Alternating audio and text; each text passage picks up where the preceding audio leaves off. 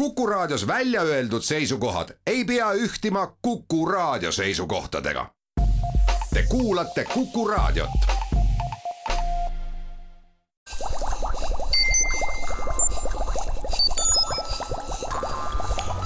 kukkuv õun head Kuku kuulajad, Kuku Õun eetris. mul on täna saatekülaliseks äh, onkoloog, keemia ja kiiritusraviarst Maigo Riiner. Tervist! mina olen saatejuht Marek Strandberg ja räägime täna laiemalt ja põhjalikumalt nähtusest, mille nimi on rinnavähk. aga sellega seonduvalt äh, veel sellel nädalal, kaheksandal oktoobril leiab aset üsna omapärane sündmus, nimelt Roosalindi jooks. Maigo, mis asi on Roosalindi jook? Roosalindi jooks on äh, ülemaailma, ülemaailmne liikumine tegelikult, et me korraldame Roosalindi jooksu Eestis juba viiendat korda, see toimub Kadrioru pargis kaheksandal oktoobril ja selle eesmärk on äh, rinnavähi osas teadlikkuse parandamine ühiskonnas, rinnavähi varajase avastamise ja sõeluuringutest osavõtu parandamine ja ka see, et olla solidaarne rinnavähi patsientidega. räägime rinnavähist.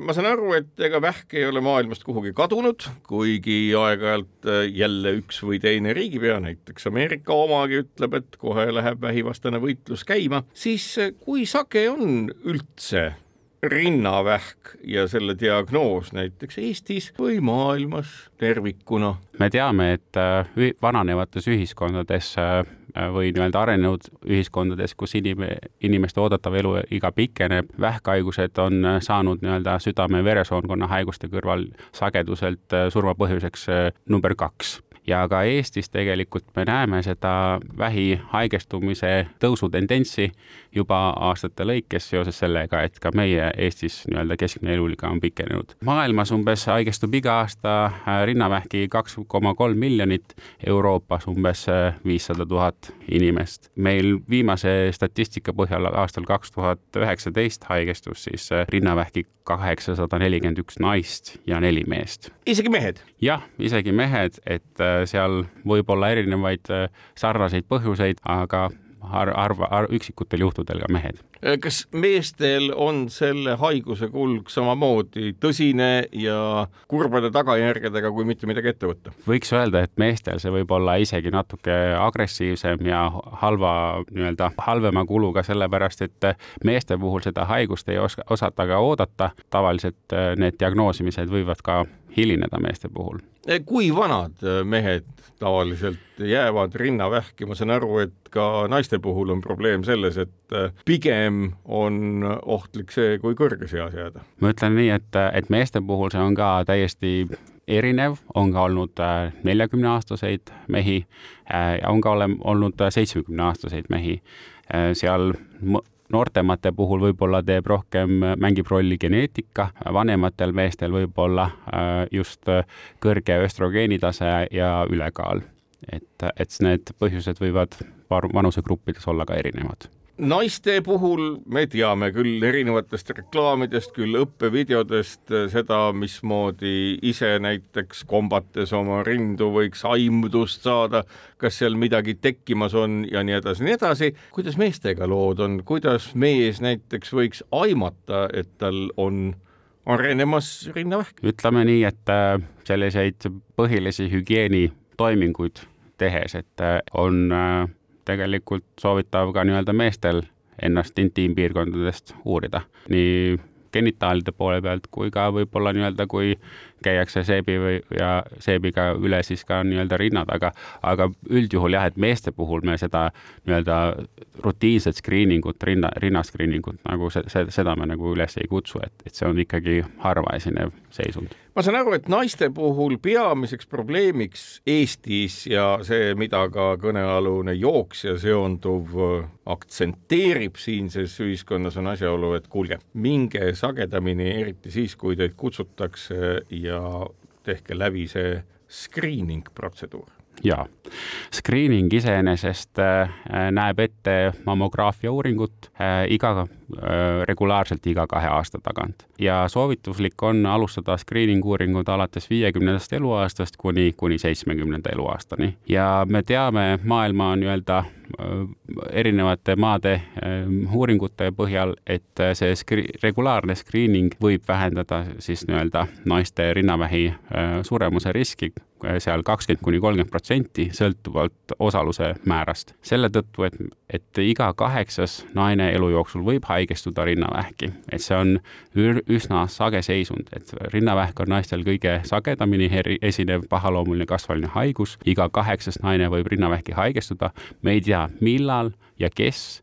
Ja selle tõttu on selline re regulaarne nii-öelda sõeluuring kõikidele naistele soovitatud. mammograaf, kõik teavad, mammograaf meenutab röntgenaparaati, millega küll kopse, küll trauma puhul liigeseid läbi valgustatakse, mille poolest mammograaf erineb röntgenseadmest, et teda niimoodi eraldi mammograafiks kutsutakse? no tehnoloogia poolest see võibki öelda, et see on sama, sama tehnoloogia, mis on nii-öelda kopsupildi uuringult mida kasutatakse, et see on tegelikult röntgenkiirgus, aga vahe on lihtsalt selles, et, et sinna nii-öelda uuringu välja paigaldatakse siis inimese rind ja see siis läbi valgustatakse nii, et teisi organeid selle kiirgusega ei kiiritata, et ainult siis seda rinda ja osaliselt ka nii-öelda äh, kaelaaluseid äh, lümfisõlmede piirkondi. ja kui sellega on kaasnenud ka erinevaid siin hirme ja stigmasid, et, et äh, mammograafia iseenesest annab inimestele kiirgust, et,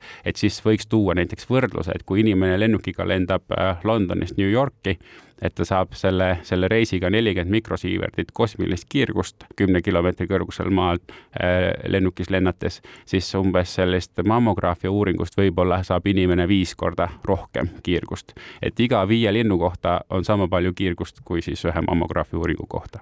vähkide puhul jälle teadaolev asi, kõneletakse erinevatest staadiumitest esimene, teine, kolmas, ma ei tea, kas ka neljas ilmselt mida need staadiumid tähendavad ja küsin siis hiljem, aga see küsimus jäägu üles, et mis siis edasi teha? staadiumid on tegelikult lihtsalt statistikaks, et seda võrrelda erinevate maailma riikide ravitulemusi, haigestumise nii-öelda seda staadiumeid, et need oleks omavahel andmed võrreldavad. enam ja enam tegelikult, enamus nii-öelda vähi selliste äh, paikmete juures me onkoloogidena vaatame sellist nii-öelda haiguse koormust või tumor burden inglise keeles, et kui palju seda haigust inimesel on.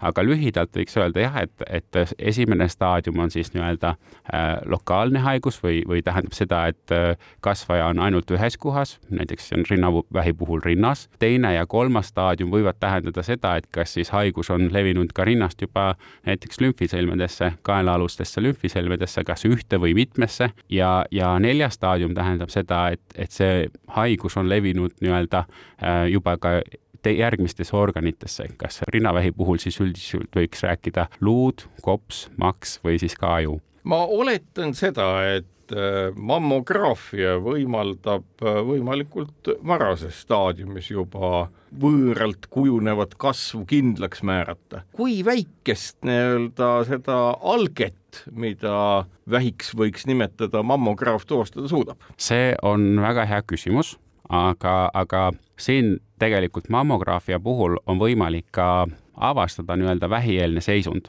et kui patsient on ikkagi või inimene on regulaarselt uuringutes käinud, siis, siis tegelikult mammograafia pildi muutuse põhjal saab radioloog juba täpselt öelda, et kas sinna kohta on kasvaja moodustumas, et kas sinna on mingid põletikulised tihenemised, mikrokaltsifikatsioonid tekkinud. tavaliselt, kui siis nii-öelda seda kasvajat võib avastada, aga kui ta on juba kahe, kolme, nelja millimeetri suurune. aga kui inimene näiteks ise oma rinda kompab kätega, siis tavaliselt alla äh, sentimeetriseid muutusi ise käsitsi ei ole võimalik tunda, tavaliselt need on juba kahe sentimeetri suurused äh, kasvajad, kui inimene ise selle avastab, aga kahe sentimeetri suurune rinnavähk on juba selline, mis võib olla levinud lümfisõlmedesse. kas äh, ähm, seesama asjaolu, et mida rohkem testitakse, seda väiksemat kasvaja alget nii-öelda suudetakse avastada, kas see lihtne reegel peab paika? see peab paika, et hea võrdluse tooksin ikkagi ka nii-öelda hambaraviga, et, et ka nagu soovitatakse inimestel käia regulaarselt äh, hambaarsti juures kontrollis ja parandada need augud juba enne, kui ütleme, hammas võib murduda või põletik võib alla tekkida, et, et lihtsalt pinnad ära parandada, lappida, et sellega ennetab nii-öelda suuremaid probleeme. sama on ka rinnavähi. nagu autolgi, et vahatage sageli, siis on rooste hädasid vähem. just nimelt. aga mida siis öelda rinnavähi puhul, et mis võiks see protseduur olla, millega sellist äh, algeteket vältida, kui üldse on? me teame tegelikult äh, maailmas äh, on uuritud jällegi eri, et, et mis on need rinnavähi riski tõstvad tegurid, aga sel hetkel, kui naisel juba rinnavähk on välja kujunenud, mõnikord on seda raske nagu selgeks teha, mis just selle kindla naise puhul talle selle vähi tekitas. aga üldjuhul on ikkagi, me räägime suurest ülekaalust üle äh, vähesest füüsilisest aktiivsusest, kui naisel on metaboolne sündroom, kui naine ei ole näiteks lapsi sünnitanud või ei ole imetanud, kindlasti on suitsetamine on üks, üks suurimaid riskitegijaid, alkoholi regulaarne kasutamine rohkem kui kaks doosi päevas ja arvatakse ka, et mingitel papilloomiviirustel võib olla nii-öelda riski tõstvat mõju ja siis tegelikult ütleme, see inimese enda geneetika või pärilikkus, aga selliseid geneetilisi geneetilisi pärilikke vähke äh, Eesti puhul äh, võiks öelda, et on suhteliselt vähe. siinkohal teeme saatesse väikese pausi ja kuulake meid pärast vaheaega.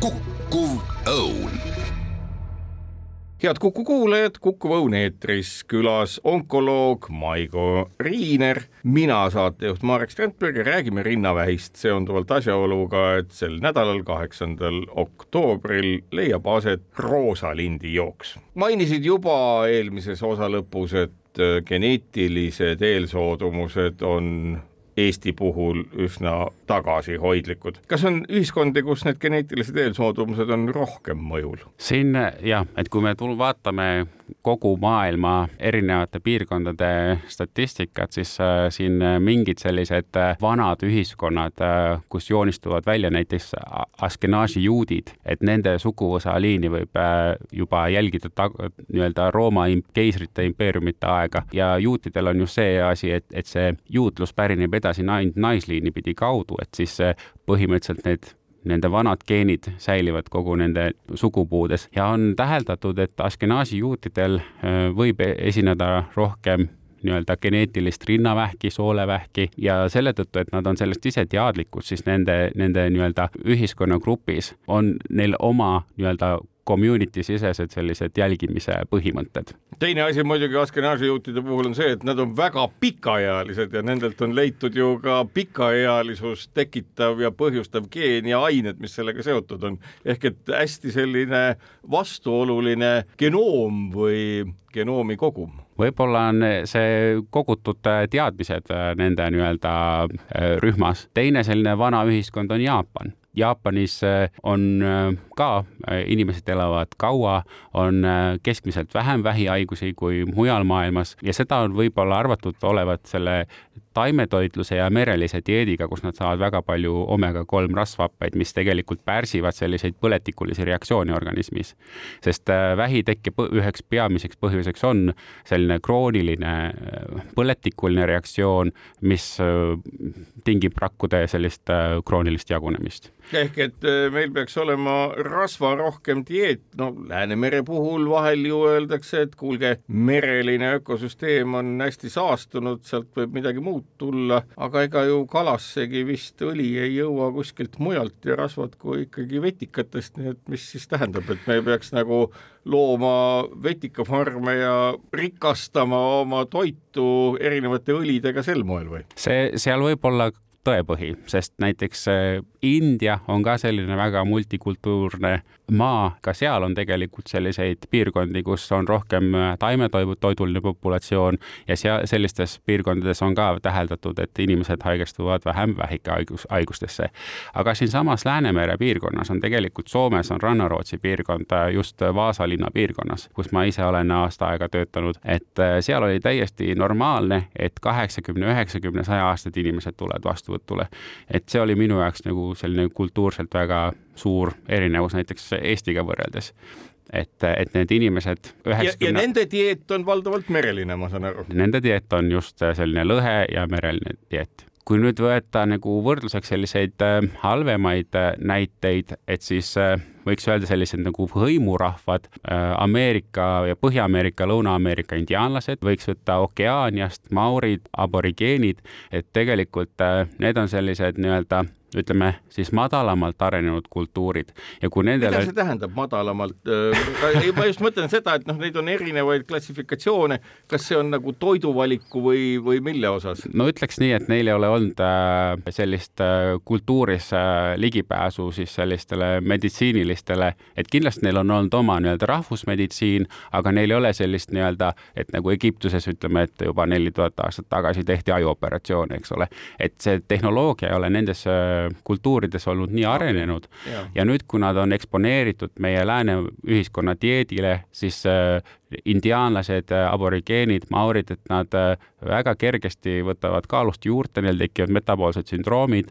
Nendel rahvastel on täheldatud, et nad äh, sage, sagedamini ha ähm, haigestuvad agressiivsetesse vähitüüpidesse ja, ja tegelikult ka ütleme, üks väga halb populatsioonirühm on mustanahaline Aafrika mees, et ka nendel kui nende, nad elavad nii-öelda nüüd pikke, kauem, siis ka nendel esineb selliseid agressiivsemad äh, alavormiga vähihaigusi.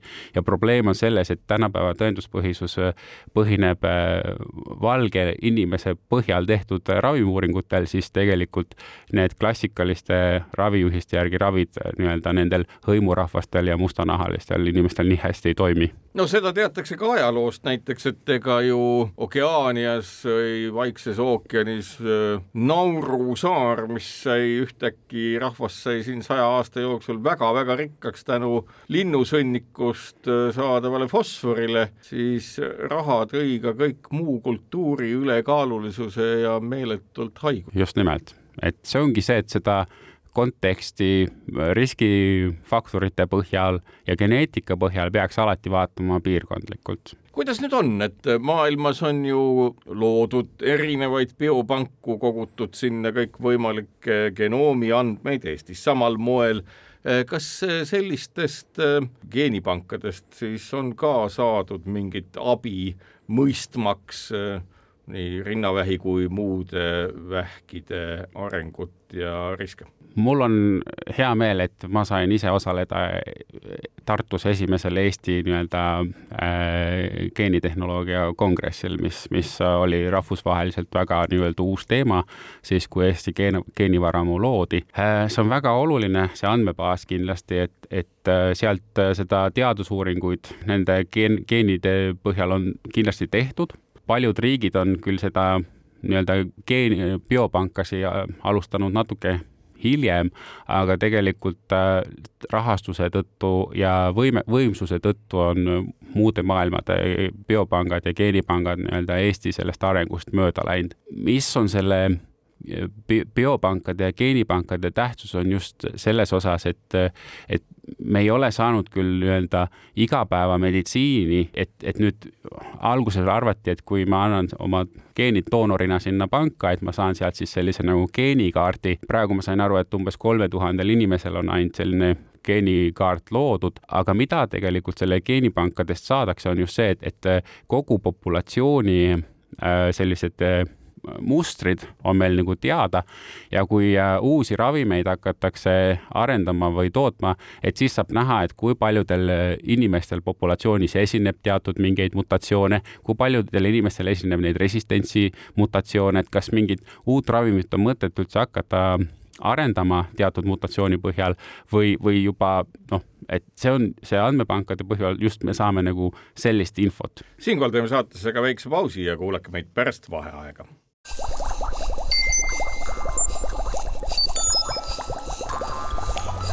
Kukkuv Õun head Kuku kuulajad, Kuku Õun jätkub külas Maigo Riiner, kes on onkoloog, keemia ja kiiritusravi spetsialist, mina saatejuht Marek Strandberg. jäi jutt eelmise saateosa lõpus ravimitele, praegu hakkasin mõtlema, et ju üks vist kuulsamaid inimesi, kes selle tõttu, et geenikombinatsioon viitas tal kehva olu ja riski haigestuda näiteks ka rinnavähki, Angelina Jolie äh, lasi endale rinnad eemaldada. Ja ka munasarjad vist ja, ja teavitas, et äh, kas see on äh, levinud protseduur ja kas see vähendab riski? eelnevalt me just rääkisime nendest biopankadest ja need biopangad on olnud tõenäoliselt just nagu abiks selles osas, et populatsioonide põhjal teha laiu uuringuid ja näha, et, et millised geenimutatsioonid või geenimustrid e-, esinevad teatud haigusega patsientidel sagedamini. näiteks just Angelina Jolie'l esines BRCA1 ja BRCA2 mutatsioon mis mõlemad mutatsioonid äh, tõstavad oluliselt rinnavähi ja munasarjavähi riski. Ja Angelina Jolie ema ja ka vanaema tegelikult haigestusid mõlemad rinnavähki ja emal oli ka munasarjavähk ja mõlemad surid nii-öelda vähi tõttu. et äh, selge see, et kui Angelina Jolie oli mõlema mutatsiooni kandja, siis tema nii-öelda, kindlasti on tal eemaldatud ka munasarjad, kuigi sellest nii-öelda avalikult ei räägita, et pigem räägitakse nüüd rindadest, sest see on nagu nähtav osa. Äh, et kindlasti tal oli meditsiiniline näidustus põhjen-, põhjendatud, et rinnanäärmed eemaldada ja asendada nii-öelda need silikoonimplantidega hästi sagedasti, kui kõne alla tuleb küll vähk, küll mingid muud asjad, kõneletakse immuunsüsteemist ja immuunsüsteemi tugevusest ja nutikusest, eriti kontekstis, mis puudutab näiteks äh, mikrobiomi, kes elab põhiliselt meie jämesooles. kas äh, selles osas ka mingeid seoseid on teada, et äh, kui tugev või kui täiendatud mikrobiomiga võiks olla inimese immuunsüsteem, et see ka väikeste geenimuutuste osas nii tundlik ei oleks ja ei laseks vähkidel välja kujuneda või see on ikkagi selline pigem teoreetiline arutelu, mille kohta statistilist materjali vähe? see ei ole enam teoreetiline arutelu, et äh, jah, vastus on äh, tõesti nii, et, et äh,, et kui äh, inimesed koosnevad rakkudest, et me oleme üks rakukogum, kogum, siis tegelikult, äh, et baktereid on meid kümme korda, baktereid on meie organismis kümme korda rohkem. ja kuna nad on väiksemad, eks Just. ole, ja rakuliselt me olemegi pigem nagu bakterite poolt üleval peetav nii-öelda inimrakkude kogum. ja on ka avastatud, et tegelikult meie oma keharakkude ja bakterite vahel toimub pidevalt kommunikatsioon, see ei ole nagu, see ei jõua meie teadusesse, aga kindlasti see toimib. on äh, isegi avastatud, et äh, kui näiteks äh, inimesel on teatud tüüpi soolestikubakterid, et nendel inimestel võib sagedamini nii-öelda Parkinsoni haigus halveneda kui teistel inimestel, kellel on nii-öelda head soolebakterid kindlasti need mõjutavad meie immuunsüsteemi, et kellel on nii-öelda terve mikrobioom, see põhjustab, põhjustab sellise nii-öelda kaitsesfääri, et äh, ükskõik, mis patogeene me siis nii-öelda sisse saame, et kas baktereid või seeni või, või, või mingeid viiruseid, et siis kui need bakterid ühtlaselt, head bakterid katavad meie nii-öelda välised membraanid, et siis need haiged viirused ja bakterid ei suuda meie organismi nagu siseneda. teine, teisi selliseid äh, uuringuid on ka tehtud näiteks, et, et äh, neeruvähi patsientidele, keda on äh, ravitud siis nii-öelda immuunraviga. Ja kui nad mingil hetkel on vajanud näiteks külmetushaiguse puhul või mingi uroinfektsiooni puhul antibiootikumravi, neil on tekkinud mingi põletik ja neile on määratud antibiootikume ja me teame, et antibiootikumid tapavad ka soolestikus neid häid baktereid siis, siis on äh, täheldatud, et, et äh, need neeruvähi patsiendid, kes on saanud antibiootikumravi, saavad sellest immuunravist kaks korda vähem kasu, et nad elavad kaks korda lühem kui selle immuunravi toel. siis äh, järgmine faas on see, et käivad ka uuringud, et, et need bakterite alatüübid, nii-öelda halvad ja head on tegelikult ka sedastatud, käivad ka uuringud selle põhjal, et, et neid häid baktereid nii-öelda äh, transplanteeritakse inimestele. et äh, need tehakse lihtsalt kapselitesse, paigutatakse need bakterid kapselitesse või jogurtitesse ja inimesed saavad neid häid baktereid sisse süüa ja, ja siis näiteks Helsingi ülikoolis on selline uuring, et, et vaadatakse, et kas sellise nii-öelda täiendava heade bakterite sissesöötmisega inimesele, kes saab immuunravi, kas see pikendab selle immuunravi vastust teatud vähiravis? kas ma saan aru, immuunravi tähendab seda, et väljaspool organismi on loodud siis erinevad nii-öelda antikehad, mis peaksid võitlema vähirakkudega ja neid siis siirdatakse inimesse. kas äh, midagi samasugust on võimalik teha ka rinnavähiga? rinnavähk on kahjuks äh, Äh, selline haigus, et, et siin veel sellist äh, korrelatsiooni immuunravidega ei ole leitud. Ja on ainult üks äh, rinnavähi alatüüp, mis on kolmiknegatiivne rinnavähk ja, ja sellest info, uuringud, et, et selle haiguse puhul, kui kombineerida keemiaravi ja immuunravi, võib saada rohkem kasu. aga selle immuunravi lisamine näiteks teiste rinnavähi alatüüpide puhul ei ole nii olulist kasu lisanud. aga kindlasti see immuunomoduleerimine on väga oluline, just näiteks D-vitamiin, me teame, et on selline immuunomodulatsioon tähendab siis omaenda immuunsüsteemi kuidagi turgutamist ja toetamist? jah, just nimelt. et äh, kindlad äh, korrelatsioonid on D-vitamiiniga et, äh, et näiteks D-vitamiini puhul me teame, et need naised, kes on rinnavähi, rinnavähki haigestunud ja rinnavähist terveks saanud ja neil jääb mingi ta-, haiguse taastekke risk, et need naised, kellel on D-vitamiini tase olnud madalam, siis nendel naistel on see taastekke risk olnud äh, kaks korda kõrgem kui nendel, kes äh, söövad regulaarselt D-vitamiini ja neil on D-vitamiini tase normaalne. Siinkohal teeme saatesse aga väikese pausi ja kuulake meid pärast vaheaega kukkuv õun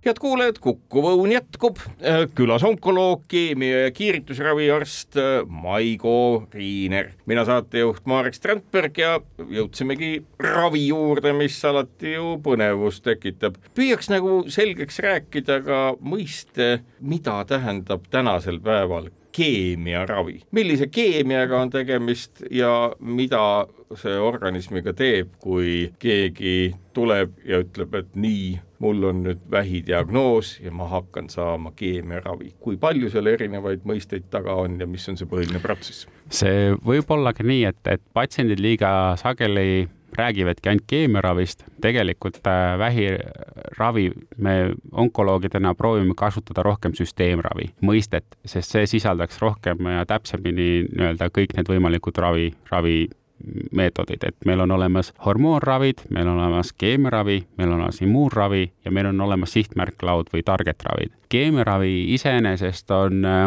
kõige vanem selline süsteemravi liik, millega äh, vähki ravitakse, avastati täiesti juhuslikult Esimese maailmasõja ajal, et, et äh, selline närvigaas, mida tegelikult rindel kasutati, et äh, sellel oli, oli ka efekti nii-öelda seal juhuslikult inimrühmadel, kellel olid kasvajalised haigused, et see oli pärssinud nende kasvaja nii-öelda kiirust või lümfisõlmede suurus oli vähenenud. ja sealt algas tegelikult keemiaravi ajastu pihta. keemiaravimid on erinevad mürgid seal on erinevat alatüüpi, on sellised äh, alküleerivad, mis äh, seonduvad äh, kaksiksidemetega nii-öelda raku DNA-sse.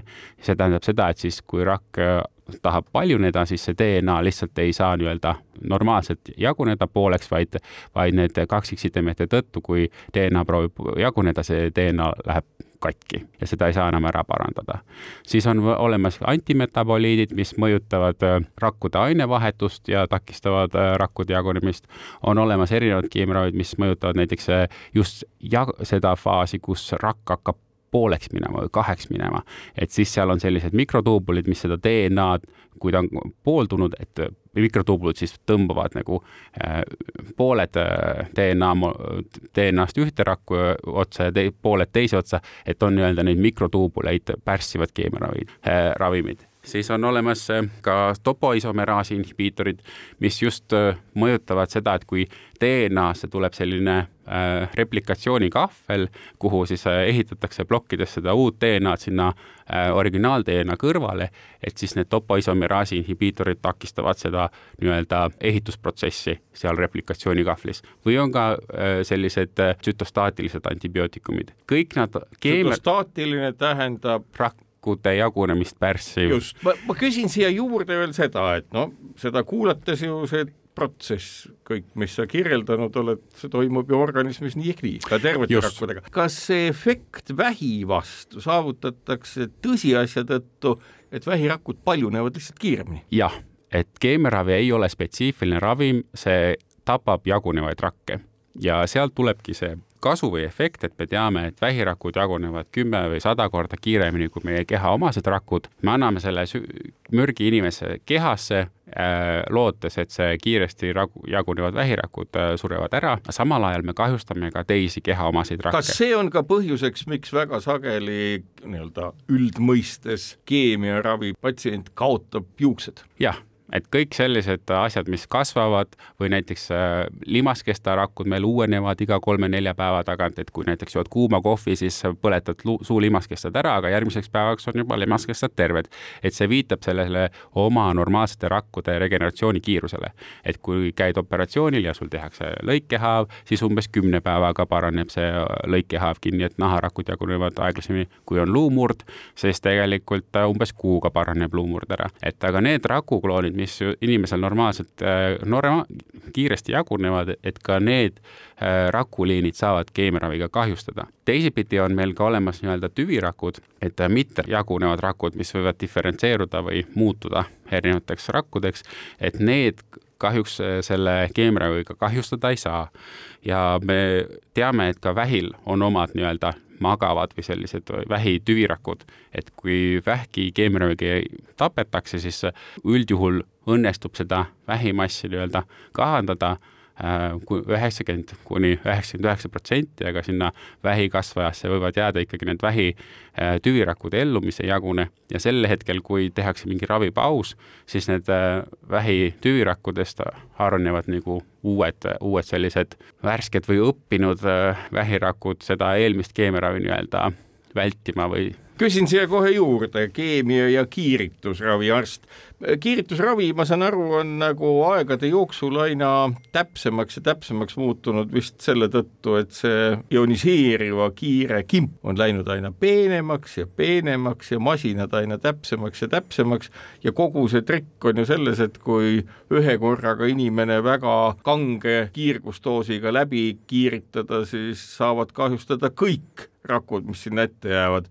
Ja kas ma olen õigesti aru saanud, et kogu trikk on selles, et erinevatest suundadest ja punktidest organismi vähe kahjustaval moel mõjutada seda ühte keskkohta, kuhu siis kõik need kiirtekimbud erinevast suunast kokku jõuavad. just, seda on väga hästi, oled kirjeldanud ja sellest aru saanud, et äh, kiiritusravis kasutatakse ioniseerivat kiirgust, see tähendab seda, et see kiirgus äh, liigub sirgjooneliselt, erinevad kiirgused, näiteks röntgenkiirgus võib hajuda, et sellepärast röntgenkiirgust enam kiiritusravis ei kasutata, aga näiteks me tavaline kiirgus, mida me nüüd kasutame, on footonid. Ja footonid suhteliselt nagu valguskiirgus levivad sirgjoonelisena ja tänu nii-öelda diagnostikaapparatuuri kultuuri paranemisele, et meil on äh, kompuuter äh,, magnet, vettuuringud, pluss ka see, et meil on tegelikult nii-öelda, et me ei tee enam patsientidest ainult nagu pilti, vaid me suudame nendest teha sellise röntgenvideo ja me näeme ka hingamisliikumist näiteks, sellel ajal, kui inimene hingab, siis ka kasvaja võib selle, selle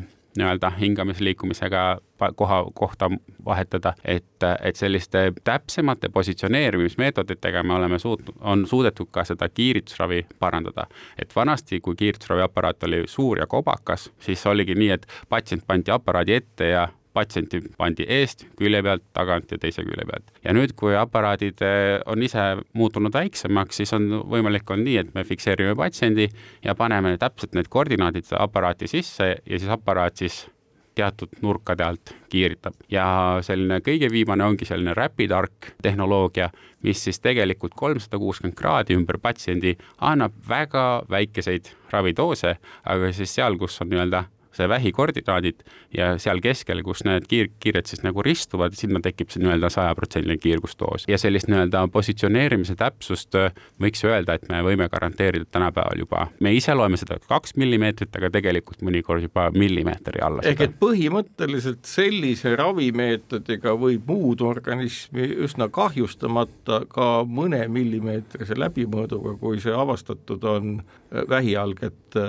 tappa. jah see, see on nii, aga me peame valima ka nii-öelda need suunad, et kust ühest otsast läheb inimese organismi kiirgus sisse, kust ta tuleb välja, et me peame vaatama, et sinna kiirguse teele ei jääks olulised elulised organid, näiteks neer või, või, või näiteks silm või, või ähm, aga teatud normaalsed organid jällegi selliseid väikseid kiirgustoose taluvad väga hästi. ma saan aru, et kogu asi ongi inimese anatoomias, geomeetrias ja arvutusoskuses ja ütleme, kas ma kujutan ette, et see käpp tänasel hetkel ei ole enam mingisugune niisugune suur kaardevärk, vaid lihtsalt üks nagu roboti käsi? ütleme selle CyberKnife'i puhul jaa, et seda aparaati veel Eestis ei ole, aga aga see CyberKnife on tõesti jah, umbes selline nii-öelda robotkäe suurune ja see mitte ei võta ainult kolmsada kuuskümmend kraadi, vaid see võtab igast ruumi geomeetrilisest punktist. mis tähendab seda, et su kirjeldatud nõuet, et äh, eluliselt oluline organ ette ei jääks, on aina lihtsam täita. just nimelt kuidas on, et kui nii-öelda inimene saab selle diagnoosi, tal ongi rinnavähk, äh, siis äh, ma saan aru, et mida varasemalt, mida lokaalsem see on, seda suurem on paranemise tõenäosus. no kui ta on täiesti lokaalne, avastatakse, et ei ole olnud siirdeid veel mujale, ehk staadium on number üks, siis milline on ravijärgselt see elulemus?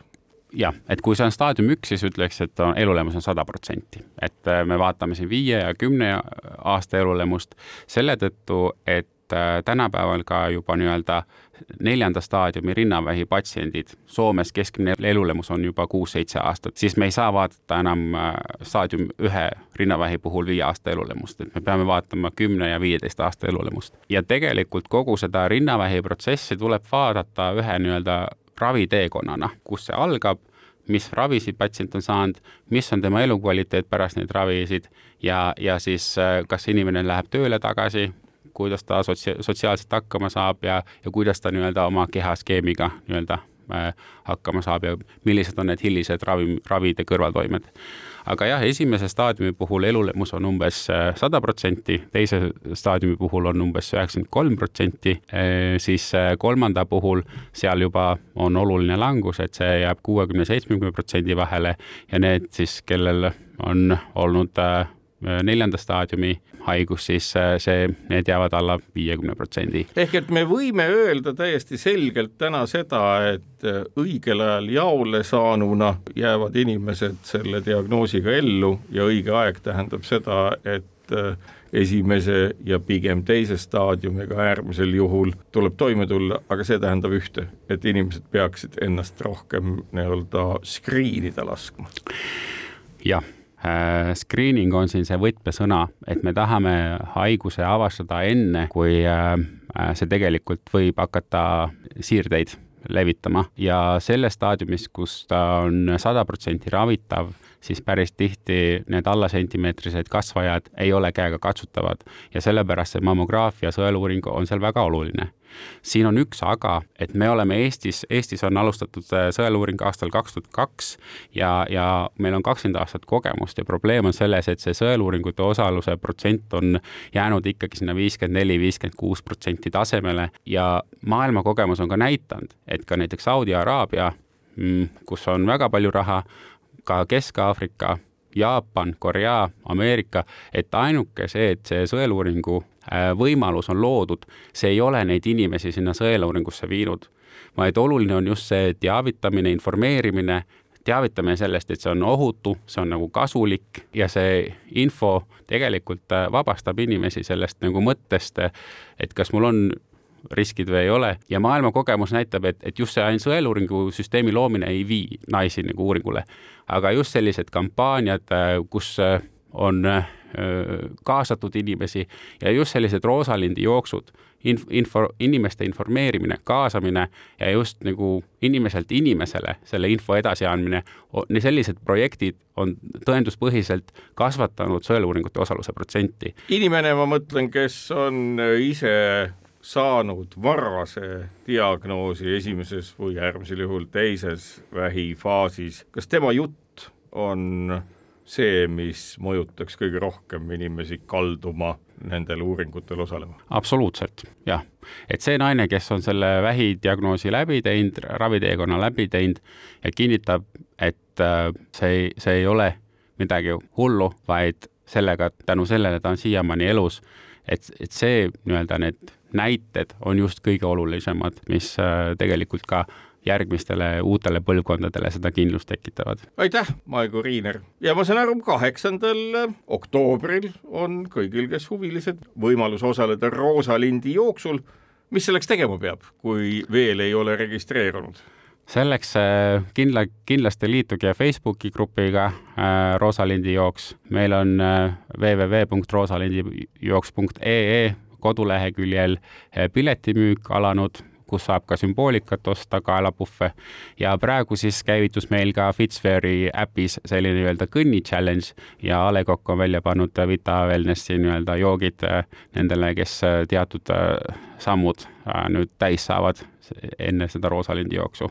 no igal juhul vähem vähki, kaunim elu, tervem rahvas. sellega on Kuku Õuna saade läbi. Kuulake meid jälle täpselt nädala pärast ja kaunist päeva teile